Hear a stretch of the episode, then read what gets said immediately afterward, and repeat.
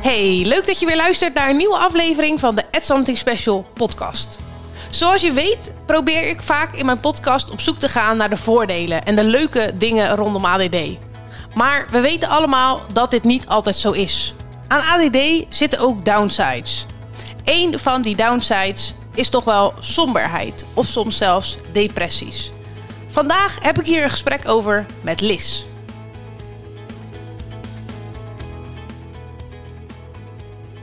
Liz, leuk dat je er bent vanuit Spanje. Ja, dankjewel. En we kwamen er net overigens wel achter dat het bij jou 1 graden minder warm is dan hier in Nederland. Ja, maar de zon schijnt hier wel en de lucht is blauw en dat is ook wel heel fijn. Ja, super nice. Hey, ehm, stel jezelf eens voor. Ja, nou, ehm, ik ben Liz en op dit moment woon ik dus in Spanje. Eh, ik woon op dit moment in Granada, door de week. En het weekend ga ik naar het platteland. Woon ik in een eh, klein dorpje wat Miguelas heet.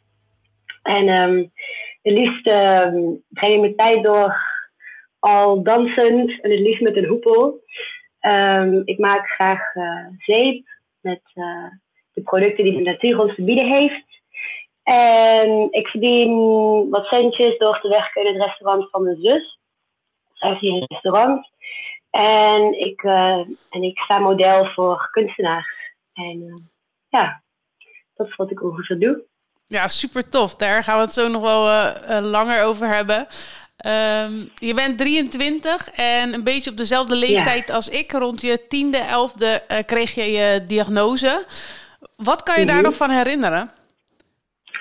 Nou, ik kan me nog herinneren dat ik op de basisschool zat en ik merkte dat ik niet zo makkelijk, um, ja, dat, dat het allemaal niet zo makkelijk afging als mijn vriendjes.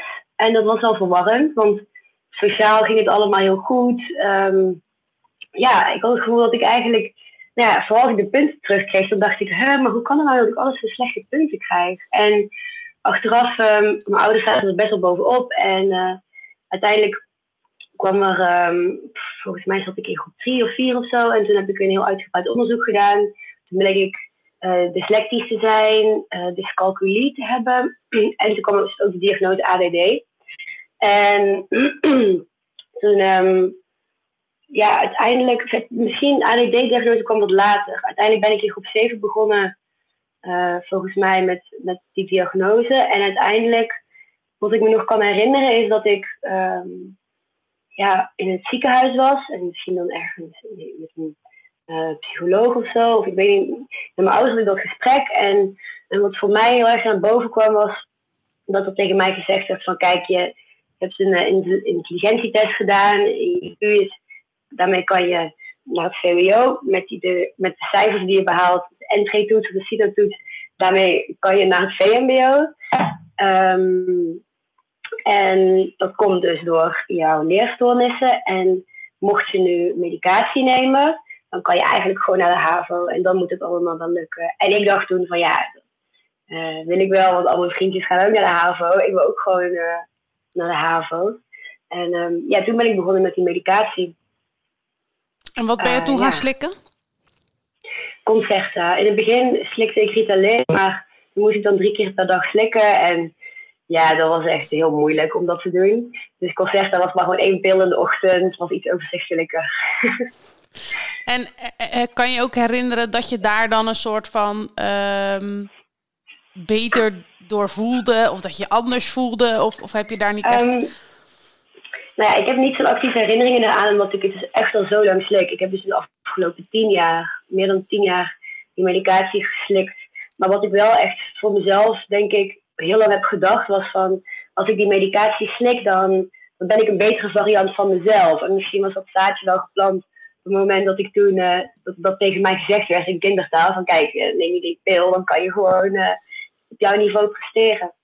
En... Um, ik heb dat wel echt tegen mezelf gezegd. Van als ik dan in het weekend probeerde ik het dan niet te nemen. Maar dan had ik bijvoorbeeld een, voetbalwedstrijd. En dan dacht ik, ja nee, ik weet, ik weet als ik daar op veld sta en ik neem die pil niet. Dan ga ik weer over allemaal andere dingen nadenken. En dan ben ik met alles bezig behalve met die wedstrijd. Of als ik in het weekend uh, had ik allemaal bijbaantjes. Ja, ik merkte ook, ik merkte ook wel echt hoor. Dat ik als ik, als ik dan geen medicatie nam, dat ik dan heel erg aan het dromen was. En niet echt bij de les was. Dus die pil zorgde er wel voor dat ik mezelf verzekerder voelde. Dat ik wist van nou, nu kan ik gewoon presteren. Maar eigenlijk ook best wel bizar dat je dus als kind zijnde al het beeld wordt gecreëerd van je hebt iets en dat is iets slechts of zo. Of dat is iets niet goeds aan jou.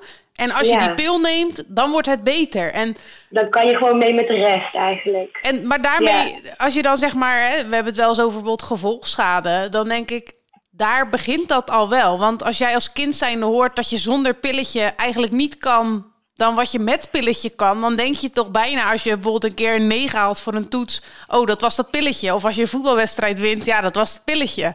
Ja, ja ik denk dat ik die associatie, dat die wel heel sterk in mijn hoofd heeft gezeten. En, en misschien eigenlijk nog steeds wel. En daarom was het ook zo'n grote, zo'n groot gevecht eigenlijk om ermee te stoppen. Omdat ik me ook wel een beetje onzeker voelde zonder die medicatie.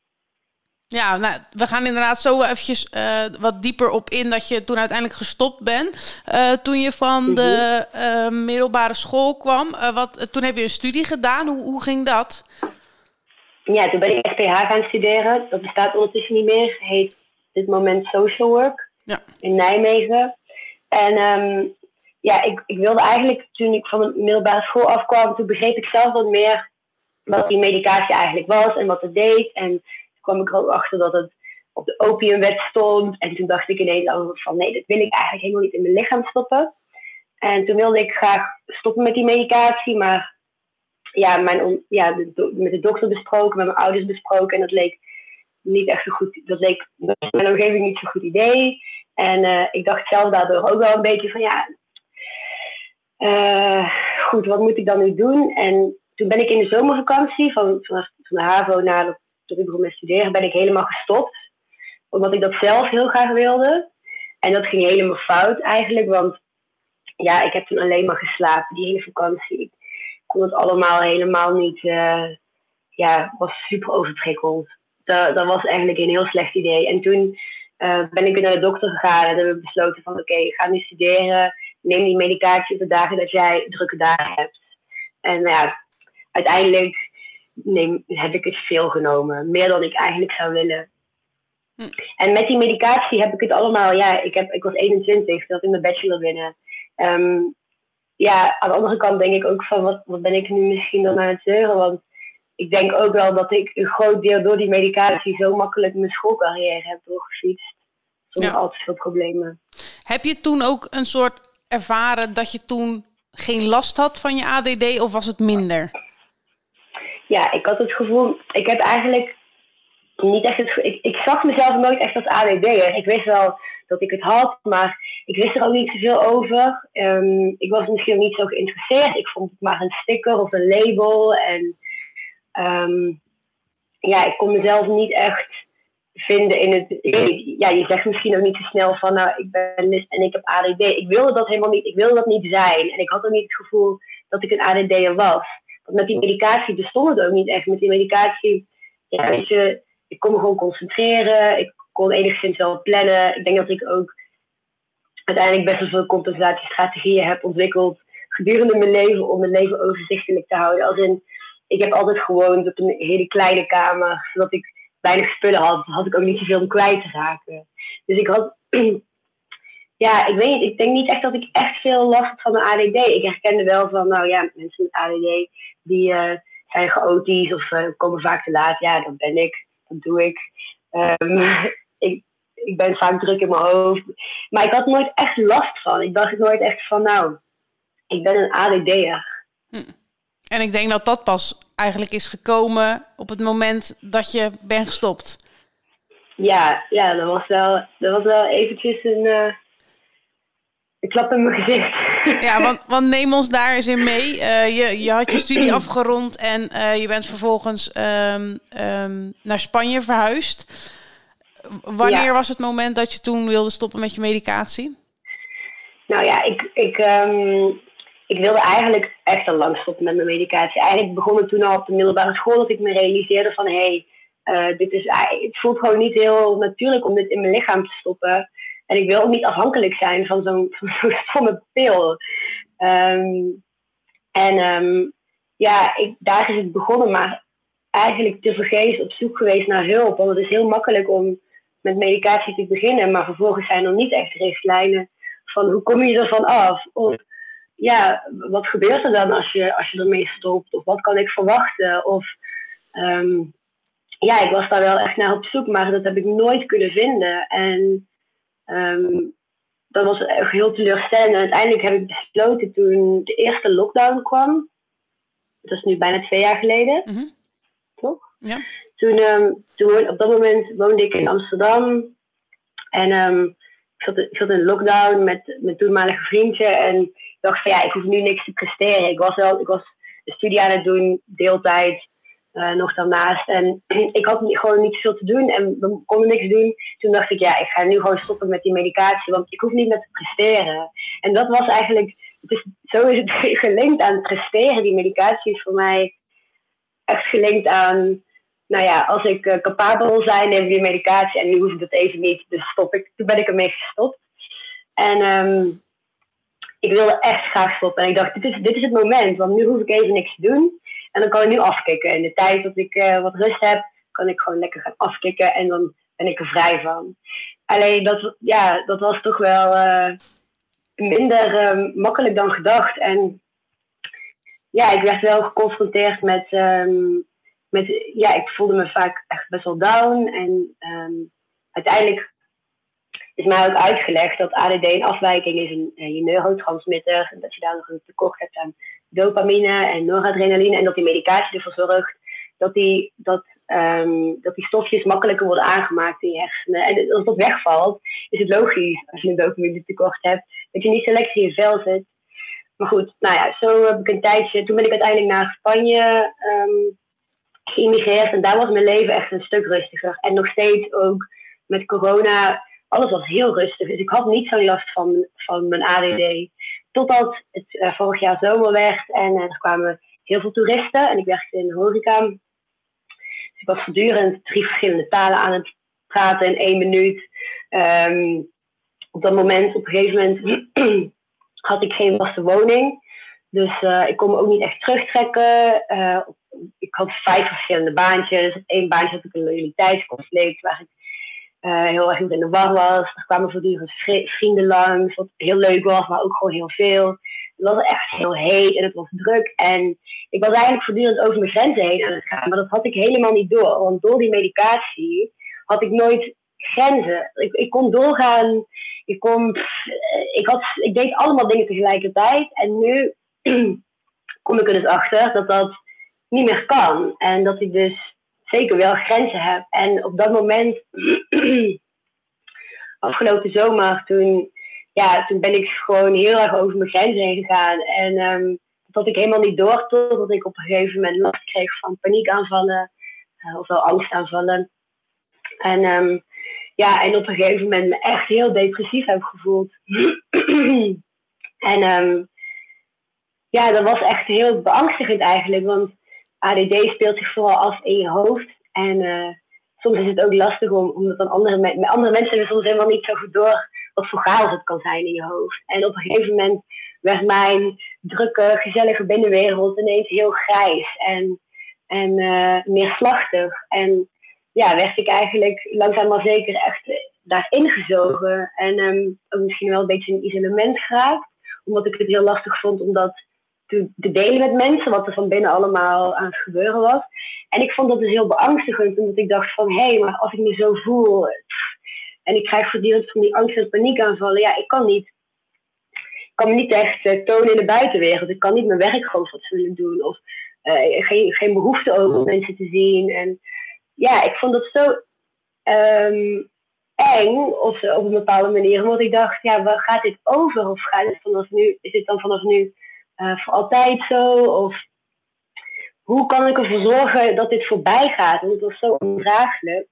En um, op een gegeven moment merkte ik van ja, dit is echt, dit, dit, dit is echt zo verschrikkelijk. Ik moet tegen iemand gaan zeggen dat, ik, dat het niet goed gaat. En op het moment dat ik ben gaan praten en ben gaan delen, ben ik eigenlijk ook achtergekomen dat uh, de, de, depressie en angst heel erg veel voorkomend is bij mensen met ADD. En dat wist ik helemaal niet. Daar was ik helemaal niet van op de hoogte. En uh, op het moment dat ik eigenlijk een ging linken aan ADD, toen viel er echt een heel groot kwartje. Toen dacht ik, oh, oh dit, is, dit is inderdaad wat fout is gegaan.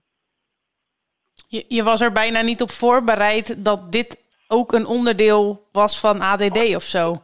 Totaal niet. Ik wist helemaal niet wat er komen ging of wat er komen zou gaan. En ik was eigenlijk al best wel een tijdje gestopt met mijn medicatie. Maar ja, omdat mijn leven daarvoor gewoon echt best wel rustig was, um, ja, was dat niet echt tot uiting gekomen. Hetgene wat, wat dus uh, afgelopen zomer tot uiting is gekomen. En dat is iets, oh, ik zou het zo graag willen dat ik daarop voorbereid was. En weet je, achteraf, misschien kan je iemand daar niet op voorbereiden. En bij iedereen is het weer anders. Maar ik vond het echt best wel, um, nou ja, uiteindelijk ook wel fijn dat ik erachter kwam van, nou, dit is mijn ADD geweest, die mij gewoon uh, echt in de weg heeft gezeten. Ja, en je, je omschrijft het als op een gegeven moment hè, heb, je, heb je tegen mensen verteld. Dat, dat vertelde je best makkelijk, maar ik kan me voorstellen, je stelt het al zo lang uit. Hoe, hoe, ja, hoe vertel je dat? Nou, dat was dus eigenlijk helemaal niet zo makkelijk. Want ik dacht ook van, kijk, ik ben heel erg voor het dat mensen moeten delen hoe ze zich voelen. En, en dat we ook moeten zijn over onze emoties. Maar op een gegeven moment, ja, moest ik dat dus zelf gaan doen. En toen dacht ik ook van, maar hoe ga ik dit brengen? Want kijk, dit speelt zich allemaal af in mijn hoofd. Mensen hebben echt totaal geen idee wat er aan de hand is. Ehm, en hoe ga ik dat zeggen en welke woorden gebruik ik daarvoor? Want ja, weet je, soms zeggen mensen dat ze ziek zijn of dat ze een been hebben gebroken. Maar als er iets mentaal niet helemaal uh, goed zit, wat zeg je dan? Zeg je dan, hé, hey, ehm, ik ben ziek in mijn hoofd. Nou, het klinkt ook weer een beetje raar of uh, niet fijn om te zeggen. Of moet ik zeggen, nou, ik heb pijn, mentaal, ik heb mentale pijn. Of dat alleen al. Ik, ik weet helemaal niet welke woorden gebruik je om te zeggen hoe ik me nu voel. En om dat andere mensen duidelijk te maken dat het echt niet goed gaat. Dat, ja, dat was eigenlijk voor mij ook een hele grote uh, ja, inzicht van hé, hey, maar dat is dus blijkbaar echt heel moeilijk. Terwijl ik het dat ik iemand ben die best makkelijk over gevoelens praat. Um, en bij ja, terwijl ik dat inzicht kreeg, dacht ik ook van, nou, maar hoe, hoe moeilijk moet het dan wel niet zijn voor mensen die, die in eerste instantie niet zo makkelijk over hun gevoelens praten. Dat is eigenlijk best een grote drempel. Ja, want dat was ook wel natuurlijk uh, toen wij uh, deze podcast voorbespraken, dat jij ook echt wel naar mij uitsprak dat je de wens hebt om uh, mensen juist aan te moedigen om het te delen, omdat jij hebt ervaren dat toen je het bent gaan delen, dat het makkelijker is toen geworden. Alles, ja, toen werd alles een stuk draaglijker. En dat, uiteindelijk, dat, dat delen van mezelf, ja, dat ging ook echt met slagen. Maar op een gegeven moment, ik was, uh, ik was ik kan me nog herinneren, was een moment, ik was thuis en nou ja, ik, op dat moment was ik in het huis van een vriendje die, die uh, een maand op vakantie was. Dus ik was daar alleen ook wel een beetje, ja, een beetje een isolement geraakt. Je wil, je wil niet graag mensen zien, je zit niet lekker in je vel. Uh, ja, je schaamt je daar misschien voor, of nou ja, ook geen behoefte aan. En op een gegeven moment kwam er een vriend langs toevallig. En um, dat was eigenlijk net nadat ik een uh, paniekaanval had gehad. En uh, ik maakte de deur open en hij zegt: Jezus, uh, Liz, wat is er in godsnaam aan de hand? En ik zei: ja, het gaat eigenlijk gewoon echt niet goed. En hij zei: Jezus, nou, vorige week hebben we nog een biertje gedronken. hoezo? Ik wist het helemaal niet. Ik zei: ja, ja, ik wist ook gewoon niet goed hoe ik het moest zeggen, maar het gaat eigenlijk niet goed. En toen vertelde ik dus dat ik die last had, net last had van een paniekaanval. En toen legde hij mij uit van hoe dat in zijn werk gaat. En toen heeft hij me eigenlijk op dat moment geholpen om daar controle over te krijgen. Ik had helemaal niet verwacht dat, dat, dat hij me dat zou kunnen vertellen. En hij, um, ja, hij had daar inhoudelijk feitelijke informatie van, nou, dit is zus en zo kun je ermee omgaan en zo kun je het tegenhouden. Dacht ik, nou, hé, hey, fijn. En eigenlijk dat, dat ik zo stapje bij stapje dat een beetje open ben gaan gooien wat er aan de hand was. Ja, kreeg ik in een keer van overal handvaten toegereikt. Handvatten, handvaten, ja, dat blijft. Ik weet het ook nooit. en dat, ja, dat was gewoon echt heel prettig. Het voelde echt ineens alsof ik in een warm bad terecht kwam. Van hé, hey, ik ben helemaal niet alleen. En op een gegeven moment, ik woonde samen met een uh, vriendin van mij een tijdje in, um, Um, zij kwam uit Liverpool en nou, met haar ging het op dat moment volgens mij dan ook niet zo helemaal goed. En toen zijn we met z'n tweetjes een week naar de bergen gegaan. En af en toe kreeg ik dan weer zo'n paniekaanval. En zij zei de hele tijd tegen mij van, uh, it's gonna pass. It will pass. Uh, just give it time, it's gonna pass. En ik dacht alleen maar van, maar when is it gonna pass? Wanneer gaat het over? Het is echt ondraaglijk. En ik dacht de hele tijd, uh, misschien dat ik lichtelijk geïrriteerd was van, hoezo gaat het voorbij? Het gaat helemaal niet voorbij, het duurt al zo lang.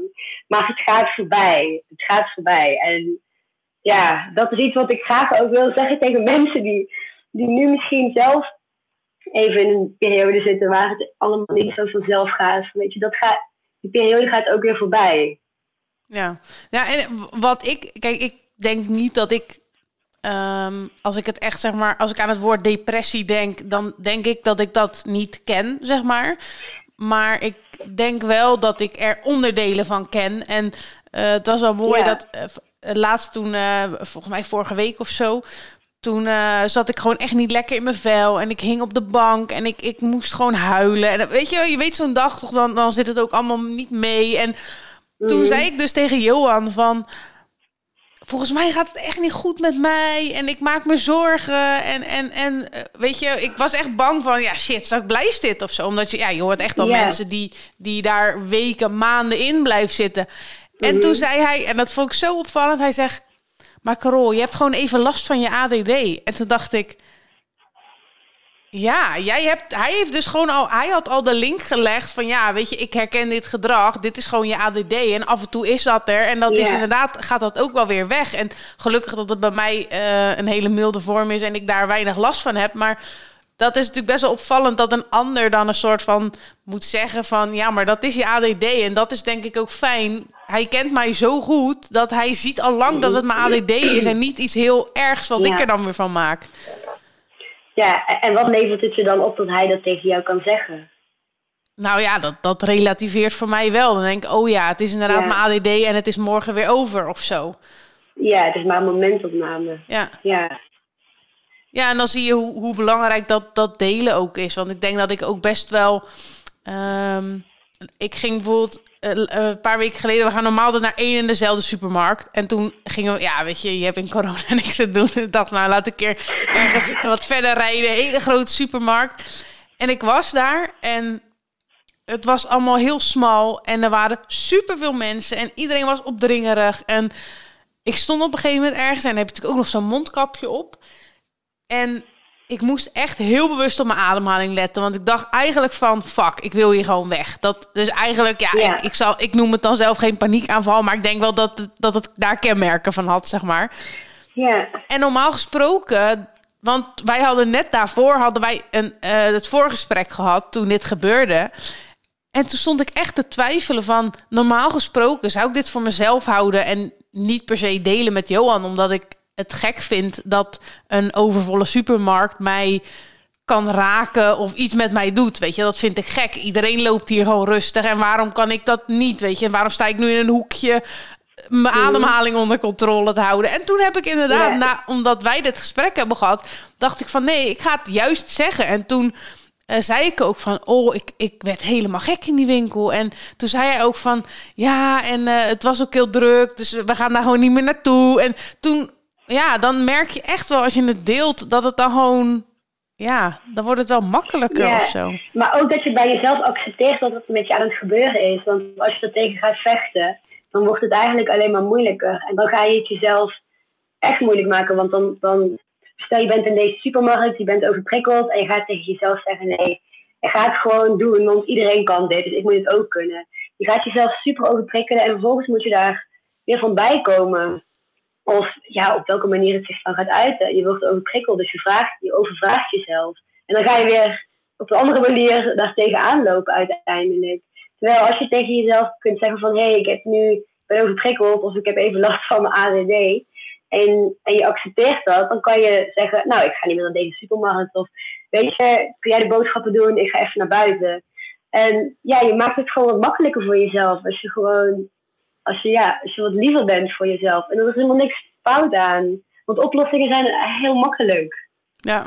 ja, dus eigenlijk door het te erkennen en het er te laten zijn, dan pas durf je naar een oplossing te kijken. Ja, ja dat, tegen vechten is echt, echt zinloos. Dat is, zo, ja, dat is gewoon niet nodig. Je doet jezelf alleen maar mee tekort. Ja. Wat als je zeg maar in je proces terugkijkt, waarin heb je dan zeg maar echt de meeste begeleiding gemist? Wat, wat, is zeg maar in het uh, Nederlandse zorgsysteem uh, wat je denkt dat dan echt anders zou moeten? Mm nou, ik denk dat sowieso die medicatie was gewoon. Op een gegeven moment, in het begin moest ik altijd naar uh, het ziekenhuis en dan uh, meten zie Want ja, blijkbaar kan die medicatie dan ook nog invloed hebben op je lengte. Ik weet niet of, of ik daarom zo klein ben, maar ik hoop het niet. Ja, ik ging inderdaad ook altijd naar een kinderarts die dan inderdaad even je bloeddruk deed meten en zo. En dan word je 18. dan word je 18 en dan hoeft het ineens niet meer. Nee, dat is het dus heel makkelijk. Ja, bij mij was het nog van tevoren eigenlijk. Toen zeiden op een gegeven moment zeiden, zeiden ze in het ziekenhuis: ja, je huisarts kan het ook wel gewoon doen. En op een gegeven moment, ja, ik weet niet, is het zo als je 18 bent, dan stopt het? Nou, ergens stopte het bij mij. Ik wist dat niet, werd ook helemaal niet tegen mij gezegd. Of misschien zelfs, zelfs 16 of zo. 16 denk ik. Kinderarts in de ziekenhuis denk ik 16. Maar, ja? Ja. Hmm. Ik durf het niet te zeggen. En ik, ik ben er ook over gaan nadenken, maar ik herinner het me niet meer. Maar ik weet wel dat er op een gegeven moment ging dat op controle. En dan praten we over die medicatie. En dan werd het meer of minder. Of nou ja, uh, whatever. En ineens hoefde ik daar niet, meer naartoe. Maar die medicatie kon ik wel op blijven halen bij de apotheek. En volgens mij ben ik echt jaren nog gewoon medicatie op gaan halen. Terwijl ik al super lang niet meer een gesprek had gevoerd van... hey, wil je misschien iets veranderen? Heb je het überhaupt nog wel nodig? Dat is wat ik heel erg heb gemist. En, ja, en uiteindelijk is het natuurlijk gewoon echt zo dat er heel weinig oplossingen zijn voor, voor als je wil stoppen met medicatie. Ja, dat is... Uh, dat is gewoon echt heel triest. En op een gegeven moment, ik wilde echt, was op zoek naar hulp voor, uh, voor mijn ADD. Ik dacht, ja, ik wil stoppen en ik, ik, ik moet daar iets mee doen. Ik kan het volgens mij niet alleen. Ik heb het vaker geprobeerd, het ging fout. En er zijn er wel instituten voor ADD of zo. Maar dan, vaak moet je dan ook juist instemmen met medicatie. Terwijl mijn hele vraag was om er vanaf te komen. En dat lijkt bijna onmogelijk om daar de begeleiding bij te kunnen ontvangen. En ja, weet je, je, voelt het in Nederland, maar in Spanje is het hetzelfde. Toen ik, um, toen ik niet lekker in mijn vel zat en je zegt van, nou ja, depressie klinkt meteen zo heftig, of paniek of angstaanvallen klinken heftig. Het klinkt ook heftig, maar ja, het is ook niet dat ik, dat ik de stempel heb gekregen van, nou, je bent depressief of zo. Of uh, dit is een, een angst of een paniekaanval, maar in welke mate je het meemaakt, het is er wel. En op het moment dat ik dus naar de dokter ging en ik vertelde van, nou, ik zit niet lekker in mijn vel en zo, toen um, ja, toen kreeg ik eigenlijk gewoon meteen antidepressiva. Terwijl, ja, dat was dus echt, was echt heel makkelijk om die antidepressiva te krijgen. Ik wilde die juist niet slikken, want mijn vraag was om van medicatie af te komen.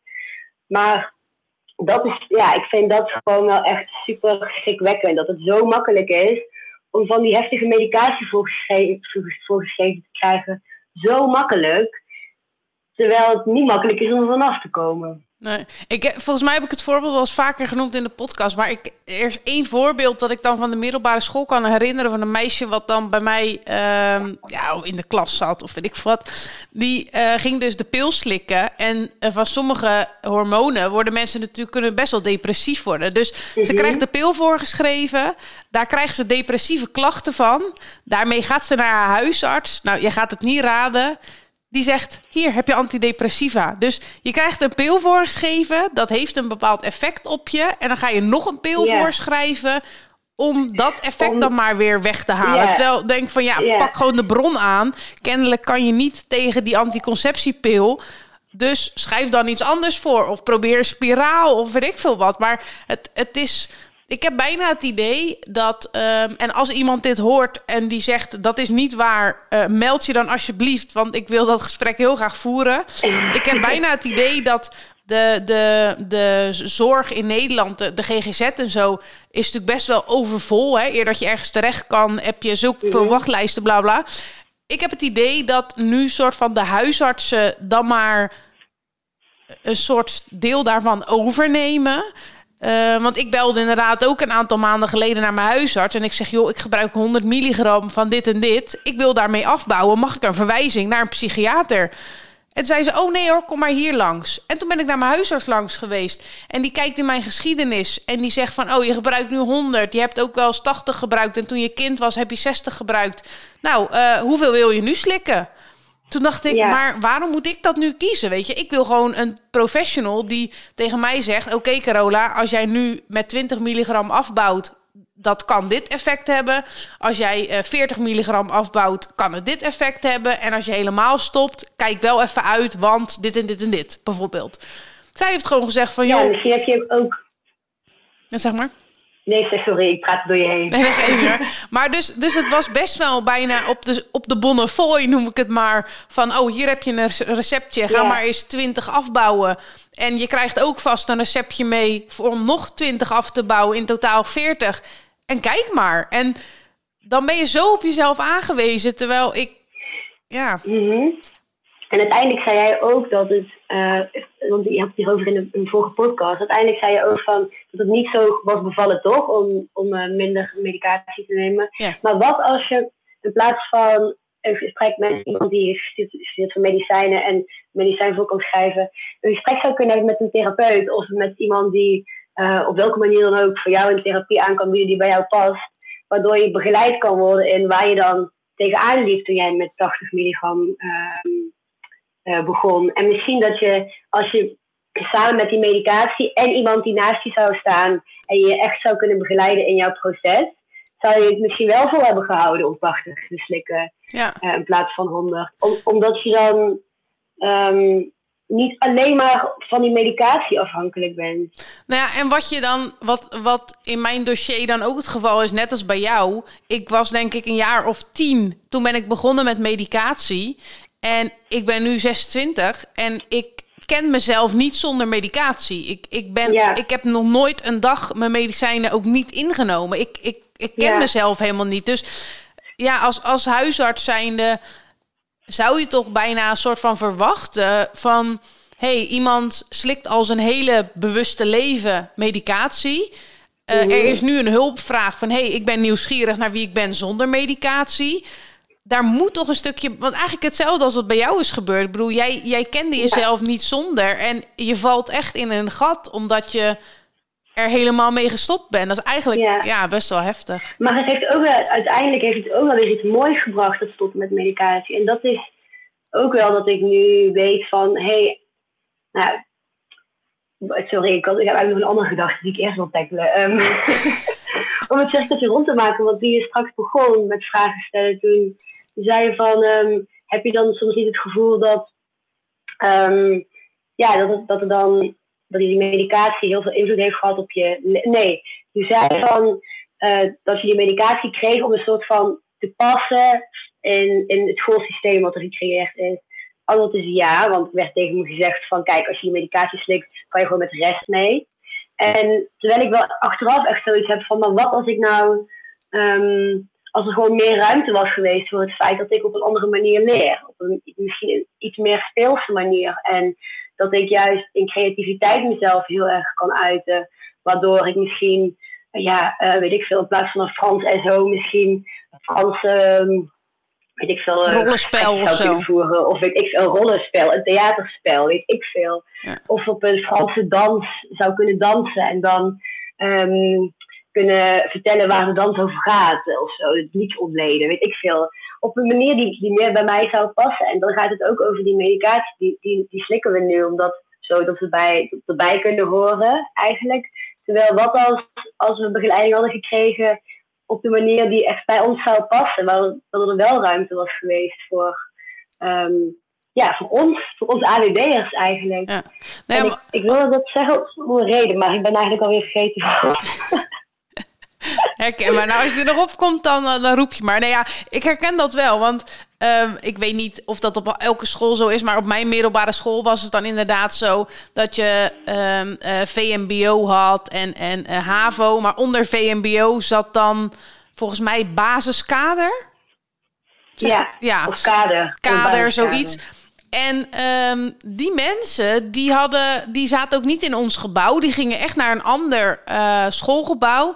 En daar hadden ze inderdaad echt superveel technische dingen. En je kon daar ook aan, aan auto's sleutelen. En dat was heel praktisch onderwijs. Dus ik denk dat Mhm. als ADD'er eh, dat soort onderwijs krijgen, denk ik dat dat supergoed bij ons past. Alleen moest dat dan op een niveau wat weer heel laag was. Dus ja, ik denk dat we het allemaal. uitgedaagd wordt. Ja, ja, dus ik denk allemaal dat we wel weten dat het schoolsysteem natuurlijk gewoon echt ouderwets en achterhaald is. Dus ja, inderdaad, wij, ik denk niet dat wij daar dan per se heel goed in passen of zo.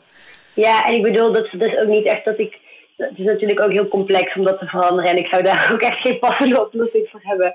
Hoe en wat. Maar ik denk wel dat het, als het dan gaat over hulp zoeken, weet je, ik, uiteindelijk, ik heb besloten, ik ga geen hulp zoeken meer bij een, bij een dokter of bij een, bij een psycholoog. Ik wil, ik wil um, ja, therapie ontvangen op de manier die bij mij past. En um, uiteindelijk heb ik, is dat ook gelukt. En dat was wel een hele zoektocht. Want uiteindelijk, er zijn zoveel coaches en therapeuten en doktoren en psychologen. Je wil hulp. En waar zou je beginnen? Um, reguliere zorg, alternatieve therapieën. Het is zo groot. En um, ja, ik ben wel heel erg blij dat ik uiteindelijk echt ben gaan denken van wat past bij mij en waar heb ik behoefte aan. En um, ja, uiteindelijk, er zijn, er zijn mogelijkheden. Al liggen ze niet zo voor, zijn ze misschien niet zo voor de hand liggend of zichtbaar. Als je ervoor open staat, zijn er heel veel mogelijkheden. En, en wat ik ook nog wilde zeggen is van wat jij straks zei van um, um, ik ken mezelf niet zonder medicatie. Maar ik kende mezelf dus ook heel lang niet zonder medicatie. En ben ik mezelf leren kennen zonder medicatie. En buiten het feit dat het dus een hele vervelende ondraaglijke periode was, die dus nu over is, heeft het me echt heel veel opgeleverd. Want ik merk echt dat ik zoveel meer rust heb gevonden. Ik praat ten eerste een stuk rustiger. Voorheen, nou Carola, ik praat echt van, ik kon net gewoon zo praten en iedereen dacht van, wat, zegt ze eigenlijk? En iedereen vroeg het, waar heeft het eigenlijk over? Zo praatte ik. Echt, ik vond mezelf zo vermoeiend soms, dat ik echt dacht, oh, maar, maar in mijn hoofd gaat het ook allemaal zo snel. En, en dan met die medicatie, wat gewoon echt een oppepper is, uh, methylfenidaat, ja, was ik de hele tijd zo hyper, echt zo verschrikkelijk hyper. En ik dacht, ik dacht echt dat ik een heel hyper mens was. En nu kom ik erachter dat dat helemaal niet zo is. En dat het heel kunstmatig was. Hm. En um, ja, dat is echt fijn. Ik zou niet meer terug willen. Al moet ik zeggen dat ik af en toe toch nog wel ook uh, toch wel een, een, een, een uh, concert aanneem. Op momenten dat ik merk dat het niet goed gaat, denk ik, ja, ik neem, neem liever toch maar eventjes een concert dan dat ik weer helemaal uh, dadelijk weer vervelend ga voelen. Ja, dat je jezelf... Dus echt ervan afkomen, ja. Dat je jezelf gewoon af en toe even die oppepper kan geven of zo.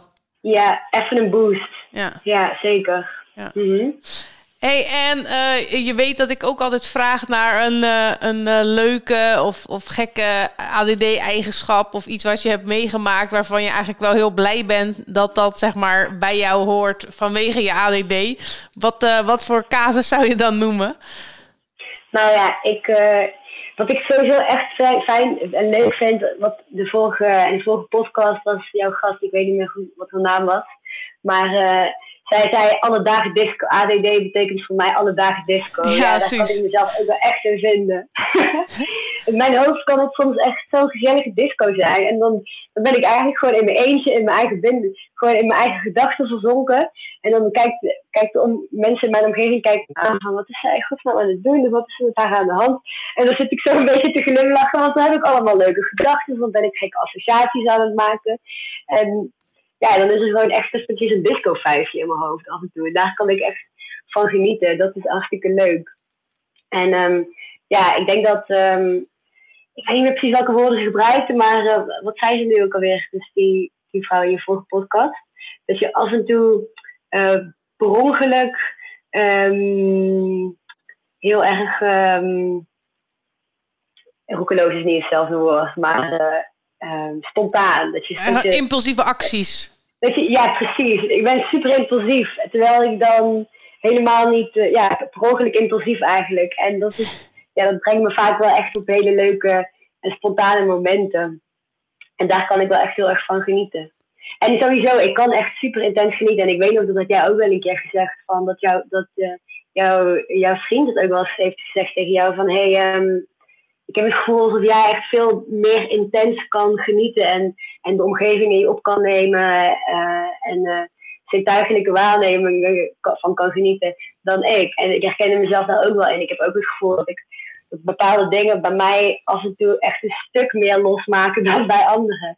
En dat kan echt, ja, dat kan echt heel erg genieten zijn, maar soms kan het juist ook overprikkeling veroorzaken. Want als iemand zich niet fijn voelt, of ik ben heel erg gevoelig voor sferen of, uh, of andermans stemming of zo.